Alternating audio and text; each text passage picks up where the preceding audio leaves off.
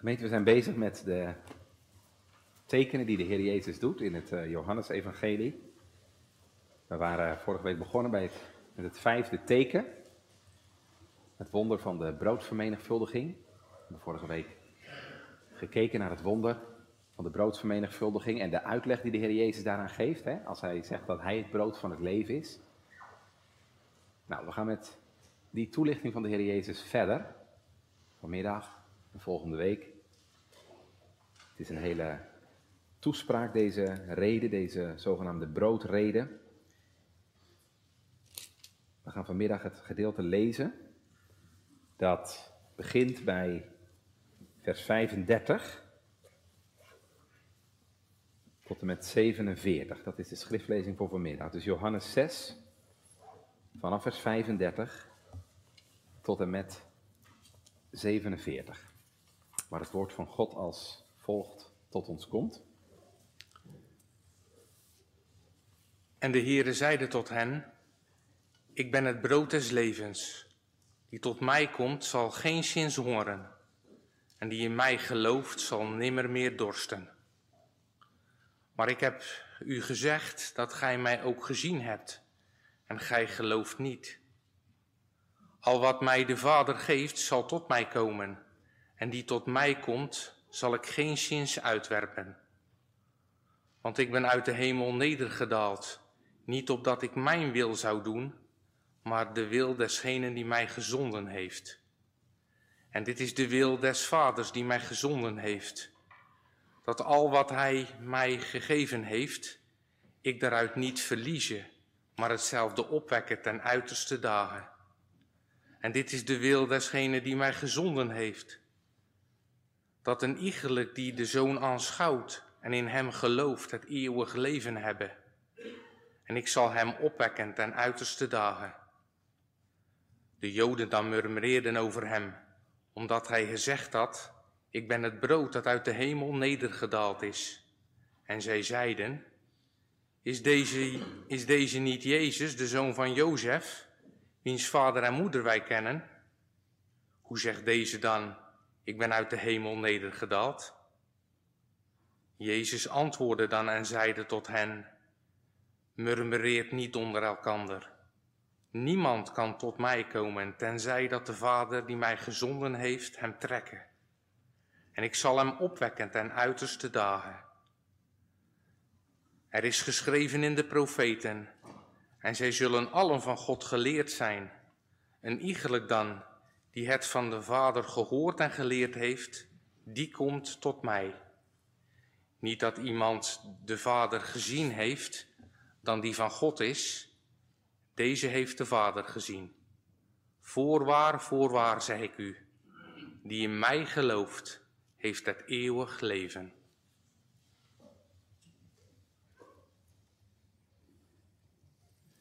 Ja, gemeente, hoe komt dat nou op u over?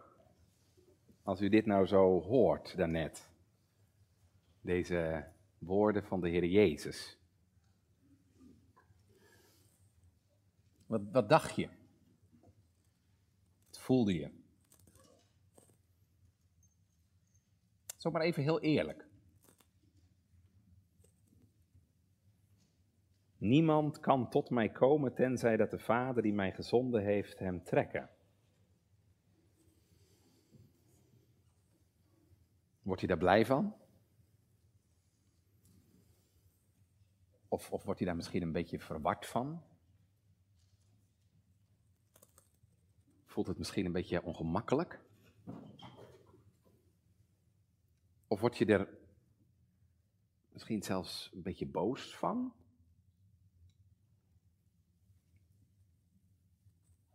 Dat je denkt, ja, wat jammer eigenlijk, dat er nou een zo mooi gedeelte over het brood des levens deze versen staan.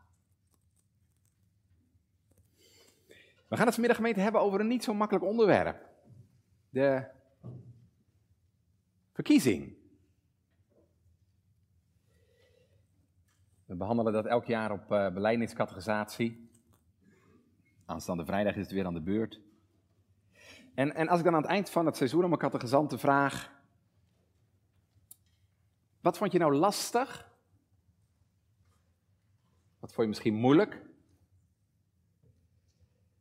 Dan krijg je nog wel eens te horen, dominee die les over de uitverkiezing. Moeilijk onderwerp, dat nogal gauw voor verwarring kan zorgen. En zelfs niet alleen tot verwarring, maar zelfs tot irritatie. Ik herinner me, dat is al meer dan tien jaar geleden, dat ik ooit ook eens over dit gedeelte preekte. Uiteraard in een andere gemeente. En dat de ouderling van dienst me na afloop nauwelijks een hand wilde geven. Hij had er zich aan gestoord. Ja, dan zou je zeggen, kun je dan misschien maar beter niet overslaan? Als het nou zo'n lastig onderwerp is. En je leest dat wel eens hè, van die oude schilderijen uit de 17e eeuw. Uh, dat een minder mooi deel vroeger gewoon eraf gesneden werd. Zouden wij dat vanmiddag ook maar niet moeten doen dan? Dit stukje skippen?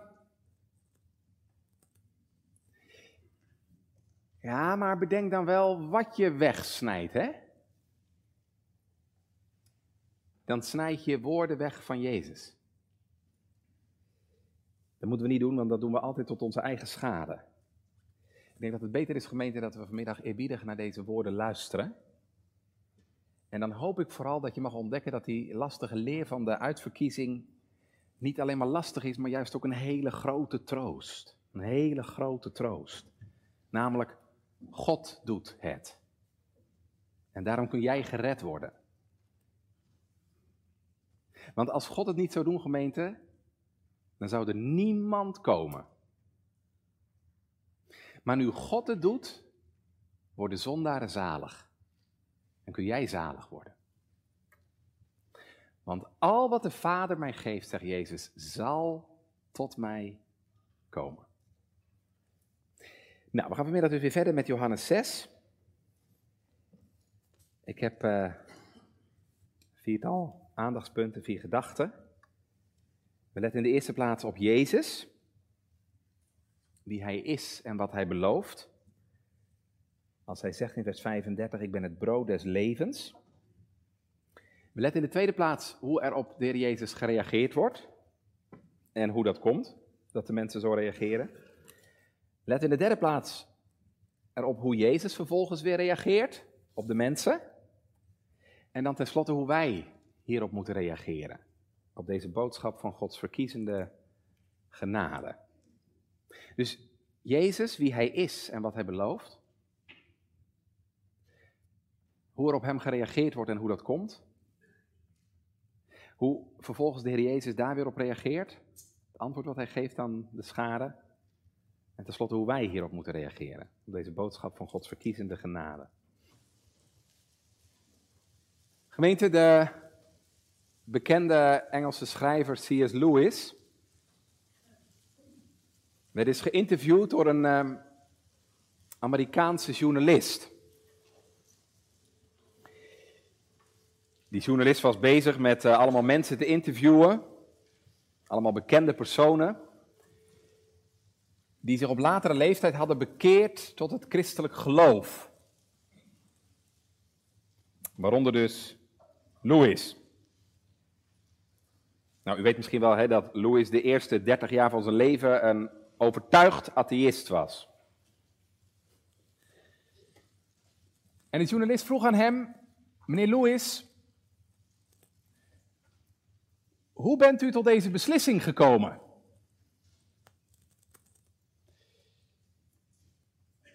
Waarop Louis zei: Meneer, zo zou ik dat niet willen zeggen. Ik heb geen beslissing genomen. Er werd over mij beslist. Er was decided upon me. Er werd over mij beslist. Nou gemeente, dat was een heel bijbels antwoord. als iemand tot geloof mag komen, als iemand zich bekeert tot de Here, dan is dat nooit in de eerste plaats een beslissing van ons. natuurlijk, dat gaat nooit buiten ons om. Daar doen we ook volledig in mee. Maar het eerste wat we moeten zeggen is dat antwoord wat Louis gaf. Er werd over mij beslist. En dat zien we gemeente vanmiddag ook in het gesprek dat de Heer Jezus had met de Joden. Hij stelt zich aan hen voor, we hebben dat vorige week ook gezien, hij stelt zich aan hen voor als het brood des levens. Maar de mensen geloven hem niet.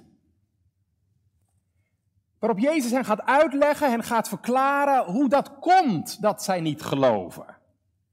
En waarbij hij ook uitlegt hoe het komt als je wel gelooft. Namelijk de vrije genade van God. Vier gedachten hadden we. Jezus, wie hij is en wat hij belooft. Kijk in de tweede plaats hoe er op hem gereageerd wordt en hoe dat komt. Dat er zo gereageerd wordt. Hoe Jezus daarop vervolgens weer reageert. En hoe wij hierop dienen te reageren. Op deze boodschap van Gods verkiezende genade. In de eerste plaats Jezus, wie hij is en wat hij belooft. We hebben vorige week gezien, gemeente, dat de Heer Jezus met vijf broden en twee visjes een grote schare van misschien wel 20.000 mensen gevoed heeft. Nou, de mensen waren dol enthousiast. En dan gaan ze de volgende dag Jezus weer zoeken. Aan de overkant van het meer, in Capernaum. Maar we zagen, Jezus heeft ze door. En wat hij zegt, jullie zoeken mij omdat je van de broden gegeten hebt. Maar mensen, daar was het mij helemaal niet om te doen in de eerste plaats. Om jullie te eten te geven. En we zagen vorige week, dat brood was een teken. Dat is een teken van mijzelf. Hij is dat ware brood, het brood van God dat uit de hemel is neergedaald om de wereld het leven te geven. Zo lezen we in vers 33. dus je ziet, vers 32, Jezus is het ware brood. Vers 33, hij is het brood van God. En dan vanmiddag in onze tekst, vers 33, hij is het brood des levens.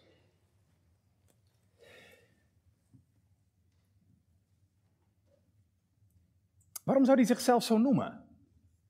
Het brood van het leven. Ja, omdat dat heel mooi laat zien, gemeente, wat hij doet. Jezus is degene die ons leven schenkt. Ik vond het wel mooi, Matthew Henry wees daarop. Hij zegt dat, Matthew Henry zegt dat is een verschil met gewoon brood. En bij gewoon brood haalt een levend lichaam voeding uit dode materie. Maar bij Christus is het precies andersom. Hij is het levende brood. Dat leven geeft aan dode mensen. Precies andersom dus. Hij geeft leven in je ziel en hij geeft leven tot in eeuwigheid. Ik zei vorige week, zoals je lichaam brood nodig heeft, elke dag opnieuw, zo heeft onze ziel Christus nodig, omdat Hij degene is die ons leven geeft. En dan verbindt de Heer Jezus gemeente daar ook een heerlijke belofte aan, hè? in vers 35. Eh, Kijk even mee. Die tot mij komt, zal geen zins hongeren. En die in mij gelooft, zal nooit meer dorsten. Wat een heerlijke belofte is dat. Als je ja, met een hongerige ziel naar Jezus gaat, zal Hij ervoor zorgen dat je honger weggaat, dat je geen honger meer hebt. Geen zin, zegt Hij. Absoluut niet betekent dat. Hij zal je voeden als je komt, zodat je honger verdwijnt. En hij zal je te drinken geven, zodat je niet meer dorst. Die tot mij komt, zal geen zins hongeren. Ja, zeg je, maar hoe, hoe moet je dat dan voorstellen, dat komen? Die tot mij komt. Hoe moet ik komen tot Jezus? Ik bedoel, ik kan toch niet meer naar Galilea gaan om, om mijn honger door hem weg te laten nemen? Nee, gemeente, en dat hoeft ook niet.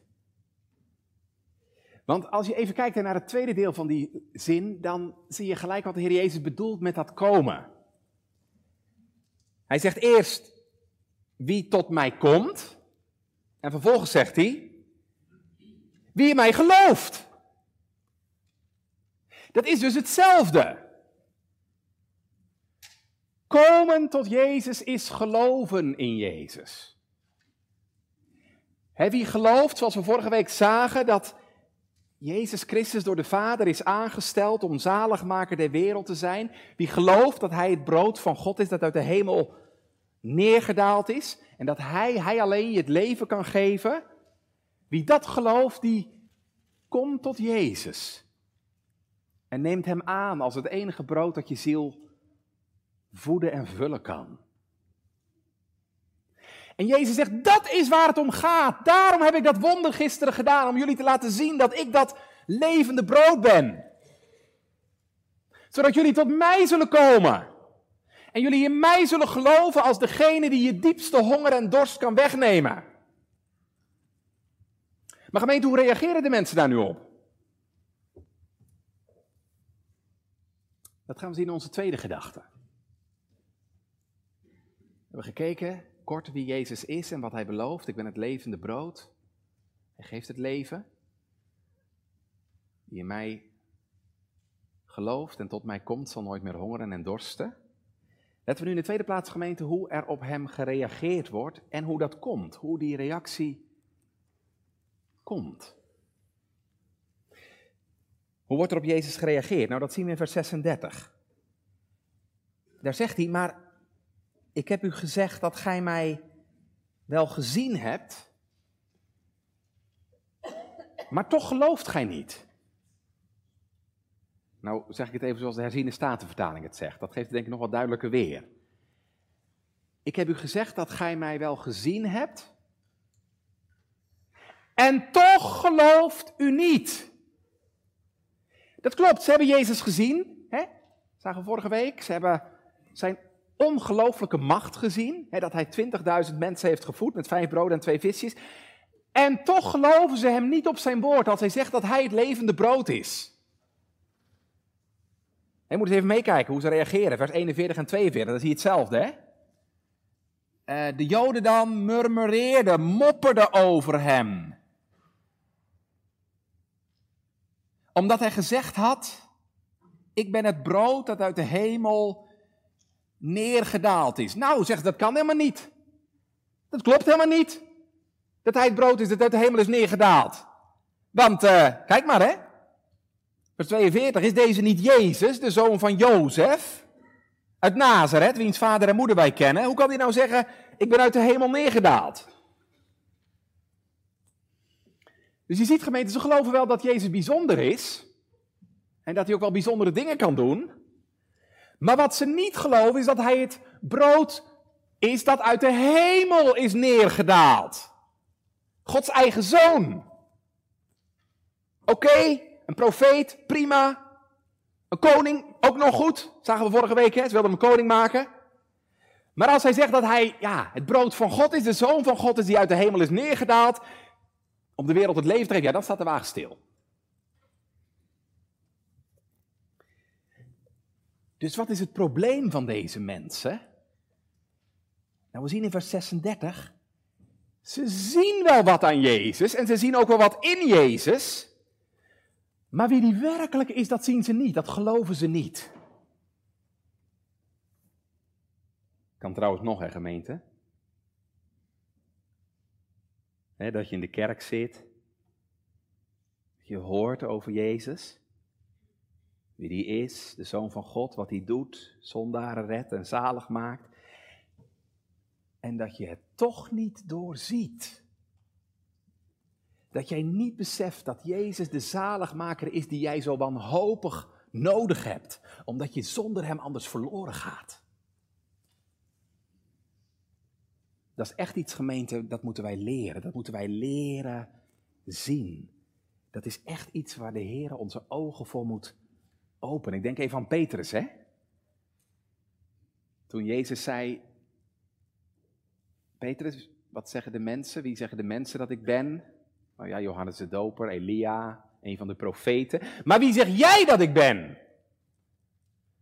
Gij zijt de Christus, de Zoon van de levende God. En wat zegt Jezus dan? Zalig ben je Simon Barjona, want vlees en bloed heeft u dat niet geopenbaard, heeft u dat niet laten zien, maar mijn Vader die in de hemel is. Het is God zelf die Petrus dat liet zien. En zo is het nog, het is God zelf die je ogen daarvoor opent en je onderwijst wie, ja, wie de Heer Jezus is, zodat je gaat zien wie Christus werkelijk is. We zullen het zo meteen nog wel zien, vers 45. En ieder die het van de Vader gehoord en geleerd heeft, die komt tot mij. Ja, zeg je, maar hoe komt het nou dat deze mensen wel iets zien in Jezus en toch niet geloven? Hoe komt dat nou? Gemeente, waar komt nou dat vreselijke raadsel van het ongeloof vandaan? Toen en nu. Ja, dat weet u wel, hè, natuurlijk. Het komt natuurlijk door de zonde, door wat er gebeurd is in het paradijs bij de zondeval. En daardoor kunnen wij niet meer vanuit onszelf tot de Heer Jezus komen en in Hem geloven. Jezus zegt dat ook heel nadrukkelijk. Hè? Kijk even naar vers 44, wat hij daar zegt. Niemand kan tot mij komen. En waarom kan dat niet? Hij zegt, ja. Waarom kan dat niet? Dan moet ik zeggen, gemeente, omdat we dat ten diepste niet willen. Wij willen vanuit onszelf niet tot Jezus komen om bij Hem het leven te zoeken. Jezus zegt dat in het hoofdstuk hiervoor heel nadrukkelijk, hè? in Johannes 5 tegen de fariseeën en de schriftgeleerden. Hoofdstuk 5, vers 40. Gij wilt tot mij niet komen om het leven te vinden. Jullie willen niet komen. En gemeente, wat van die fariseeën en schriftgeleerden geldt, dat geldt van nature voor ons allemaal. Wij willen niet tot Jezus komen. We hebben hem niet nodig, we hebben geen behoefte aan hem. We denken dat we onszelf prima kunnen redden zonder hem. Want ik ben veel liever eigen Heer en Meester en jij ook. Als jij vanmiddag nog niet tot de Heer Jezus bent gekomen, hoe komt dat dan? Dan is er maar één antwoord, omdat je hem niet wilt. Omdat u hem niet wilt. Gij wilt tot mij niet komen. Daarom wijs je hem af. Ja, zeg je maar dominee, dat is erg. Nou is Jezus naar de wereld gekomen om de wereld het leven te geven, om zondaren te redden. En dan komt er niemand. Is Jezus dan voor niks gekomen? Want ja, als er niemand tot hem komt, dan is zijn missie toch te vergeefs? Nou gemeente, gelukkig niet. En dat gaan we in onze volgende gedachte zien. Hoe Jezus hierop reageert. Hoe Jezus hierop reageert. Want gemeente, al zijn er hier heel veel mensen die niet komen, die niet willen komen, er zijn mensen die wel komen. En die wel willen. Gemeente, als deze mensen niet willen eten van het brood des levens, nou dan zal God er wel voor zorgen dat er anderen zijn die wel willen. En dan zijn we natuurlijk benieuwd, wie zijn dat? Wie zijn het die wel komen en wel geloven? Nou, dan zie je dat de Heer Jezus daar drie keer op ingaat in dit gedeelte vers 37, vers 44 en vers 45. Kijkt u even mee. Drie keer zegt Jezus iets over de mensen die wel tot hem komen en die wel in hem geloven. Kijk even mee, vers 37. Um, daar zegt hij, al wat mij de Vader geeft, zal tot mij komen. Alles wat de Vader mij geeft, zal tot mij komen. Vers 44. Niemand kan tot mij komen, tenzij dat de Vader die mij gezonden heeft, hem trekken. Dus de mensen die komen, zie je, dat zijn de mensen die door God getrokken worden. En vers 45 nog een keer, hè? Daar zegt hij, en ieder dan die het van de Vader gehoord en geleerd heeft, die komt tot mij. Dus we zien dus gemeente in deze drie versen, wat doet de Vader? De Vader geeft, de Vader trekt en de Vader leert. De Vader geeft, de Vader trekt, de Vader leert. Ik loop dat even kort met u langs. Dat zijn natuurlijk lastige versen. Belangrijk om goed te begrijpen wat er staat. Ik begin even bij vers 37 nog een keer. Het ging over dat geven, hè? Al wat de Vader mij geeft, zal tot mij komen. Dus wie komen er tot Jezus? Allen die de Vader hem gegeven heeft. Wat betekent dat? Dat betekent gemeente dat God de Vader bepaalde mensen, ja, dus aan Jezus gegeven heeft. Dat God de Vader bepaalde mensen uitgekozen, uitverkoren heeft om bij Jezus te mogen horen. En, en dan niet omdat ze toevallig een beetje beter waren dan anderen. Het zijn net zo goed zondaren. Maar om aan hen zijn genade te tonen en zijn genade te verheerlijken. En God heeft deze mensen als het ware aan Jezus gegeven en aan Jezus toevertrouwd, opdat Hij ze zal redden, behouden en zalig maken. En al die mensen, zegt Jezus, al die mensen die de Vader mij gegeven heeft, die zullen tot mij komen. Of ze nou in Australië wonen of in Arnhemuiden, ze zullen komen. De een op jonge leeftijd, de ander op latere leeftijd, de een kerkelijk, de ander onkerkelijk, maar ze zullen komen, want daar zorgt God voor. En Jezus zegt erachteraan, lees we even mee vers 37. En als ze tot mij komen, zal ik ze beslist niet uitwerpen. Zal ik ze beslist niet wegsturen. Als ze komen, smekend om genade. Als ze komen en hun onwaardigheid beleiden, zoals de verloren zoon dat deed. Vader, ik heb gezondigd tegen de hemel en tegen u, ben niet waard uw kind genoemd te worden. Dan zal ik je niet de deur wijzen. Dan zal ik je niet afwijzen. Nee, dan zal hij ze hartelijk welkom heten, want de deur staat wagenwijd open. Al wat de Vader mij geeft, zal tot mij komen. Nou, dat is het eerste wat we weten. Dat is het eerste wat we weten over de mensen die komen. Ze zijn dus door de Vader aan Jezus gegeven. Het tweede wat we zien, en dan gaan we even naar vers 44 weer. Um, het tweede wat we zien, ze worden ook door de Vader getrokken. Kijk maar. Niemand kan tot mij komen, tenzij dat de Vader die mij gezonden heeft, hem trekt. Denk even aan een vis. Hè? Ik heb nooit wat gevangen, maar u misschien wel. Hè? Zoals een vis aan de haak geslagen wordt en, en dan onweerstaanbaar naar de kant getrokken wordt, als spartelt hij soms nog zo hard. Zo trekt God zijn kinderen uit dat donkere water van zonde en dood in het net van zijn genade. moet even denken aan de woorden van Paulus, hè, die ons getrokken heeft. Uit de duisternis tot zijn wonderbaar licht. De Vader trekt. U zegt, kun je dat voelen dan?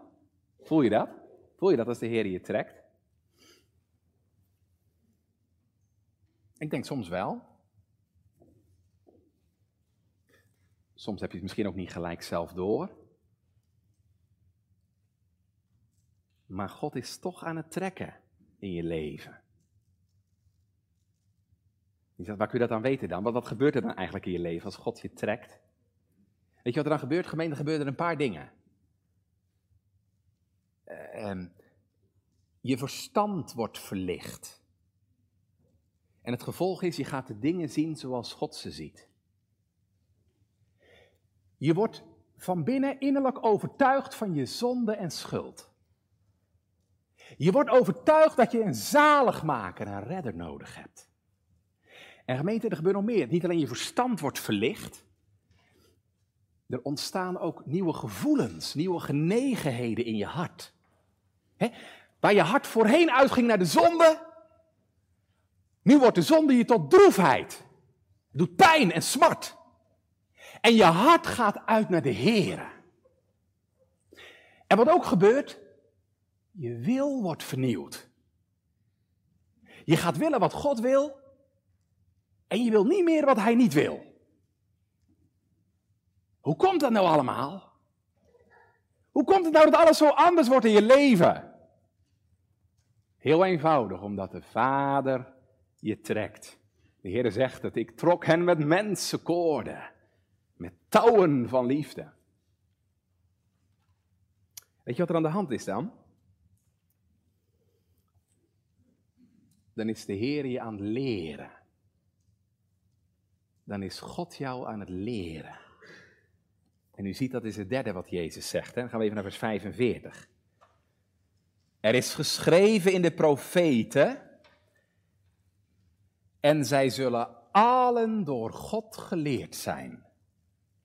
En ieder dan die het van de Vader gehoord en geleerd heeft, die komt tot mij.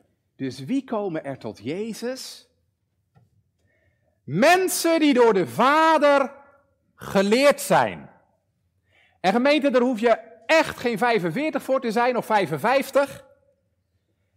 Dat kan ook als je 15 bent. Of nog maar 5 jaar. Ik heb jonge mensen gesproken. Ook in Arnhemuiden. Die meer van God wisten dan sommige mensen die hun hele leven al in de kerk zaten. Hoe komt dat? Heel eenvoudig, omdat de Heer ze dat geleerd had. En dat hoor je zo. Dat hoor je zo. En je wordt als dominee nooit zo klein en verwonderd als je daar iets van merken mag. Heren, u hebt deze jongen, u hebt dit meisje iets geleerd. Dit kind, deze jongere, heeft verstand van God en goddelijke zaken. Dat hebben ouders er niet in gelegd. Dat heeft God gedaan. Hier staat het. En zij zullen allen van God geleerd zijn. Dat is geen verstandskennis, dat is geen beschouwelijke kennis, dat is hartekennis. Heel eenvoudig, heel puur. Jezelf kennen als een verloren zondaar. Dat je indruk hebt van Gods grootheid, van Gods heiligheid, van Gods goedheid, van zijn genade. Een uitgaan van je hart naar de Heer Jezus. En iets mogen zien van zijn onuitsprekelijke liefde en schoonheid. Ze zijn door God geleerd. En als dat gebeurt, gemeente, dan zul je komen tot Jezus. Kijk maar. En ieder die het van de Vader gehoord en geleerd heeft, die komt tot mij. Kan lang duren, kan kort duren, het kan misschien met heel veel strijd en twijfels en worstelingen gepaard gaan in je leven. Maar aan ieder die het van de Vader gehoord en geleerd heeft, die komt tot mij. Dus wat zien we? Vat het nog even samen. De Vader geeft. De Vader trekt. De Vader leert. En daarom komen er mensen tot Jezus. Toen en nu. Nee, ze komen niet omdat zij daarvoor kiezen in de eerste plaats. Ze komen niet omdat ze een beetje beter of vromer zijn dan andere mensen. Nee, ze zijn net zo zondig en eigenwijs en onwillig als ieder ander. Maar God trekt hen. Lieve gemeente, als ik zalig word, als jij zalig wordt, als u zalig wordt, dan is dat alleen maar Gods onverdiende, onbevattelijke, onbegrijpelijke genade. Paulus zal laten schrijven in de Romeinenbrief, het is niet degene die wil. En het is niet degene die loopt, maar het is de ontfermende God. Gods ontferming, Gods genade is de enige reden van de zaligheid. Uit genade bent u zalig geworden door het geloof. En dat niet uit u. Het is Gods gave. En die redding, die zaligheid gemeente, die is daarom ook vast en zeker. Die is zo rotsvast. Je hoeft echt niet bang te zijn dat er ja, misschien toch nog eentje achterblijft of zo. Je hoeft echt niet bang te zijn dat er één schaap van de kudde verloren gaat. Nee, dat zal niet gebeuren. Waarom niet? Nou, kijk maar eens even mee wat de Heer Jezus zegt, hè? vers 38 en 39. Want ik ben uit de hemel neergedaald, niet opdat ik mijn wil zou doen, maar de wil van hem die mij gezonden heeft. Dus waarom is Jezus naar de wereld gekomen? Om de wil van zijn vader te doen. En wat is dan die wil van de vader? Nou, dat lees je in vers 39, kijk maar. En dit is de wil van de vader die mij gezonden heeft. Dat al wat hij mij gegeven heeft, ik daaruit niet verliezen, ik daaruit niemand verloren laat gaan, maar hetzelfde opwekken, laat opstaan op de laatste dag. Dat is de wil van de Vader. Dat is de opdracht die de Vader aan Jezus heeft gegeven. Mijn zoon, al die mensen die ik jou heb gegeven, die moet jij thuis brengen. Daar mag je niemand uit verliezen. En dat zal ook gebeuren, gemeente, want Jezus is de goede herder die al zijn schapen veilig thuis brengt. We zullen het hem straks horen zeggen in Johannes 10. Ik geef mijn schapen het eeuwige leven. En niemand zal ze uit mijn hand rukken. En zij zullen niet verloren gaan in der eeuwigheid. Staat hij voorin. Zij zullen niet verloren gaan. Ik ga niemand zwart maken vanmiddag hoor, maar je hebt christenen, veel christenen, die de gedachte aanhangen dat je kunt geloven en toch nog verloren kunt gaan.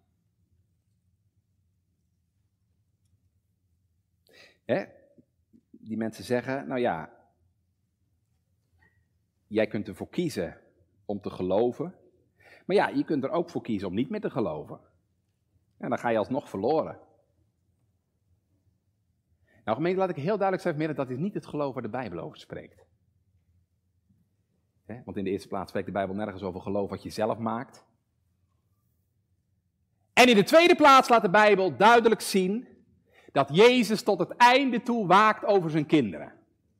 Ook als ik Alzheimer krijg, ook als ik dement word, ook als ik niet meer weet wie ik ben, dan waakt Jezus nog over zijn kinderen. Kijk, een eigen gemaakt geloof kun je misschien verliezen. Maar niet het geloof dat God in jouw hart werkt. Niet het geloof van Johannes 6. Denk je werkelijk, denk je nou werkelijk dat de Vader iemand trekt? Dat de Vader je leert en onderwijst en jou vervolgens verloren laat gaan? Wat een armzalige, troosteloze en God onterende leer is dat. Houdt u er verre van. Want zo spreekt de Bijbel niet en zo spreekt onze geloofsbeleidenis niet. Jezus Christus is een volkomen zaligmaker, die ook volkomen zalig maakt wie door hem tot God gaat. Die als hij eenmaal in jouw leven een goed werk is begonnen, dat nooit meer loslaat, ook als jij het niet meer bekijken kunt. Want hij laat niet varen de werken van zijn handen. En als dit niet waar was, wat ik nu sta te zeggen, dan werd er geen mens zalig. Als het van ons willen en van onze keuzes en van ons geloven zou afhangen, nou gemeente, zijn we gauw klaar. Maar het evangelie is, de zaligheid is van onze God. De zaligheid is van onze God. Uit Hem en door Hem en tot Hem zijn alle dingen. Het is niet degene die wil, nog degene die loopt, maar het is de ontfermende God. En daarom worden er mensen zalig en daarom blijft de hemel niet leeg. Nou, tot zover Jezus' reactie.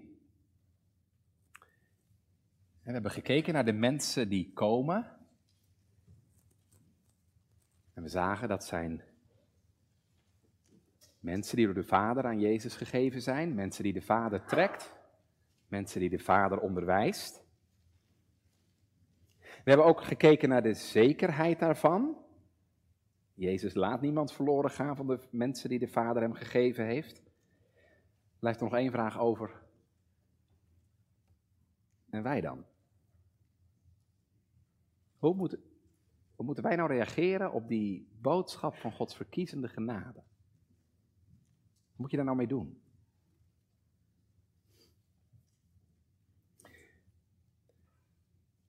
Nou, wat je in elk geval niet moet doen, gemeente, is je eraan ergeren. Dat moet je niet doen. Stoot en stoor je niet aan deze woorden van Jezus. Aan de leer van Gods soevereine genade. Want weet je, het is heel simpel, als je dat doet, dan stoor je eigenlijk aan God. Als je je hier aan stoot, aan wat Jezus zegt, dan stoot je eigenlijk aan God. Kijk, heel veel mensen vinden die leer van de verkiezing maar een lastige leer. En dat hoor je dan ook wel eens, hè? Ja, dominee, waarom de een wel en de ander niet? Waarom de een wel en de ander niet? Is dat niet oneerlijk? Is dat niet onrechtvaardig? Nou, maar gemeente, dan bekijk je het echt van de verkeerde kant hoor. Dan bekijk je het echt verkeerd. De verkiezing betekent niet dat God 50 goede mensen kiest en 50 andere goede mensen laat vallen.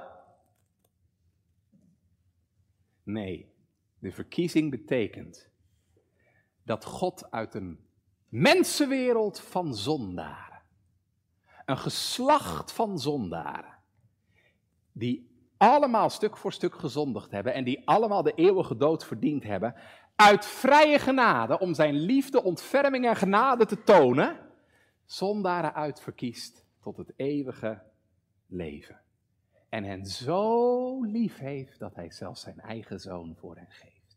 Dat is leer van Gods verkiezing. Dat hoeft God niet te doen, Want ik zei al, we hebben allemaal gezondigd. We zijn allemaal zondaren. Wie ben jij dat je recht hebt op de zaligheid? Wie ben ik dat ik recht denk te hebben op de zaligheid? God zou ons allemaal rechtvaardig verloren kunnen laten gaan, gemeente. Maar hij doet het niet. Dat is toch niet iets om je aan te ergeren? Dat is iets om je over te verblijden en te verwonderen. En dat leert mij, dat leert een christen, uit genade ben je zalig geworden. Niet om iets in jou, maar omdat God je heeft lief gehad. En gemeente, dat is echt een hele nuttige leer. Dat is een hele nuttige leer, want dat verbreekt mijn hoogmoed. Het was niet om iets in mij. Het maakt je heel klein voor God. Heer, waarom hebt u naar mij omgezien? Waarom was het op mij gemunt? Het maakt je afhankelijk van genade alleen. En het geeft je boven alles gemeente zo'n diepe, rijke troost. Waarom geeft het zo'n troost? Mijn zaligheid hangt niet af van mijn ups en downs. Maar mijn zaligheid ligt verankerd in God. En als u door het geloof tot de Heer Jezus bent gekomen, lieve gemeente, dan ligt u vast in de handen van Christus die zegt, en zij zullen niet verloren gaan. Een troost. Het geeft me ook heel veel hoop, gemeente. Geeft heel veel hoop, want juist omdat God het doet, juist omdat het Gods werk is, ja, mag je hoop hebben voor iedereen. Ik noemde straks dat voorbeeld van Louis, hè?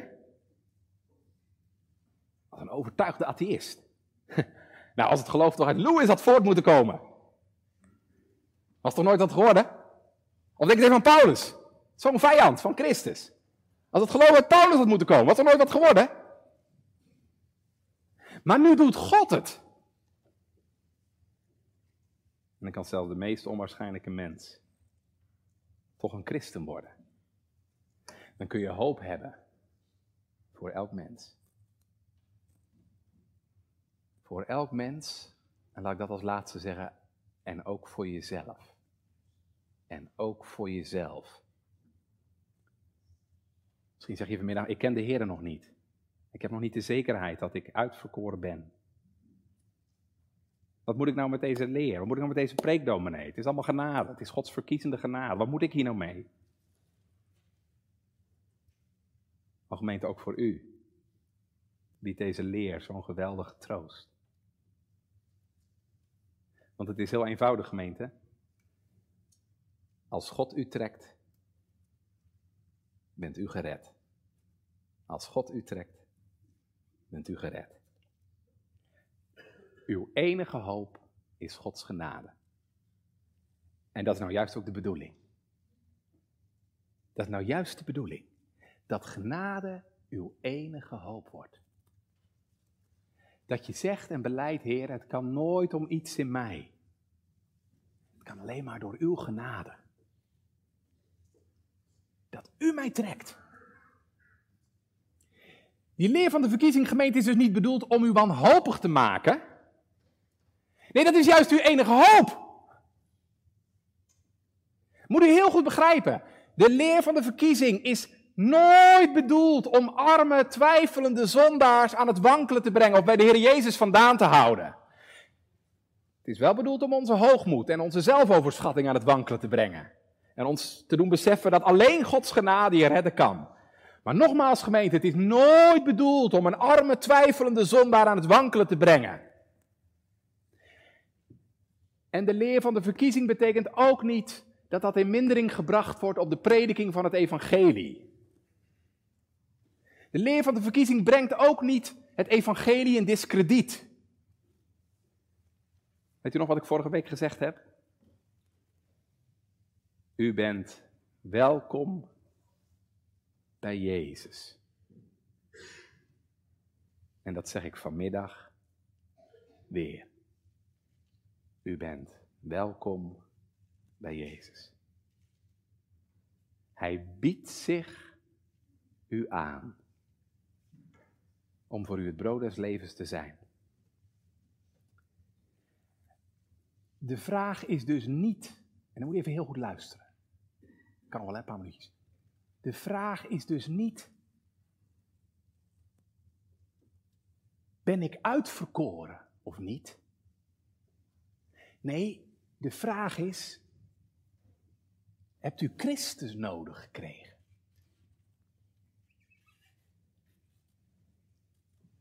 Nou, als u Christus nodig hebt gekregen, gemeente, dan is hij er voor u. Wie Jezus nodig heeft, mag tot hem gaan. En ik zou vanmiddag willen zeggen, als u nog niet tot Jezus bent gekomen, dan beperkt u zich vooral dan maar tot vers 40. Wat staat daar? Vers 40. Dit is de wil van Hem die mij gezonden heeft, dat een ieder, wie je ook bent, die de Zoon aanschouwt en in Hem gelooft, het eeuwige leven hebben. En dat is wat ik u vragen wil. Hebt u dat al gedaan? Hebt u al op Jezus gezien? He, zoals de Israëlieten in de woestijn op de koperen slang keken. Heeft u zo al als een arme verloren zondaar op Jezus gezien? En, en alle hoop op behoud, alleen op Hem gevestigd. Omdat je beseft dat je jezelf niet beter kunt maken. Nou, dat is geloof, gemeente. Dat is geloof. Alle hoop op jezelf en iets van jezelf loslaten. En alleen nog maar hopen op de Heer. Alleen nog maar hopen op genade alleen. En als je dat doet, dan bent u verkoren. Dan bent u verkoren. Als u door het geloof op Jezus hebt mogen zien, dan bent u verkoren. En heeft de Vader u getrokken en geleerd. Want alle die het van de Vader gehoord en geleerd hebben, die komen tot mij. Dus vraag je niet zozeer af of je wel verkoren bent. Ik zou eerder willen zeggen, gemeente, dat vind ik veel belangrijker. Gelooft u dat u verloren bent? En heb je daarom Jezus nodig? En heb je daarom op Jezus mogen zien? Als dat zo is, dan mag u volgende week ook aan het avondmaal. Want voor wie is het avondmaal des Heren? Nou, laat ik één ding zeggen, niet voor verkoren mensen. Mensen die denken, ik ben het. En ik weet het. Ik moet altijd denken aan dat antwoord van dominee Koolbrugge. Hoe weet gij uw verkiezing? Hoe weet gij uw verkiezing? Weet je wat voor antwoord Koolbrugge daarop geeft? En de tollenaar stond van verre.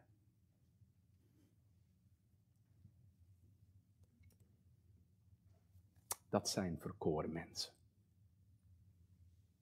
Die kennen hun verlorenheid en kunnen niet anders dan altijd maar weer roepen: O God, wees mij zondaar genadig. Dus als je vraagt voor wie is het avondmaal des Heren, dan geeft Johannes 6 vanmiddag het antwoord. Voor iedereen die tot Jezus is gekomen. Voor iedereen die gelooft dat Hij het brood des levens is en die met zijn honger tot Hem kwam. Nou, leg je leven er maar naast vanmiddag. Ken je dat? Had u honger? Kon je niet meer leven zonder de Heer Jezus? Was het je gebed, geef mij Jezus, of ik sterf? En kwam je met je honger tot Jezus omdat je hoorde dat Hij het brood des levens is? En heb je mogen ervaren dat Hij je honger wegnam en je dorst leste? En heb je, zoals vers 40 zegt, op de Zoon gezien? En in Hem geloofd, omdat je geloofde dat je ziek was en je jezelf niet beter maken kon? En geloof je dat dat komen en geloven van jou uiteindelijk niet uw inspanning was, maar de trekkende liefde van de Vader. Omdat de Vader die geleerd heeft om op Jezus te zien en tot Jezus te komen. Dat er helemaal niks van jou bij was dan alleen maar genade. Nou, dan hebben u reden om volgende week avondmaal te houden. Of zoals het Nieuw Testament dat zo mooi noemt, Eucharisteo. Wat betekent dat? God danken. Dat is avondmaal houden. God danken. Voor zijn onbegrijpelijke liefde en genade. Gelooft, zij God, die zijn genade ook aan mij heeft groot gemaakt. Amen.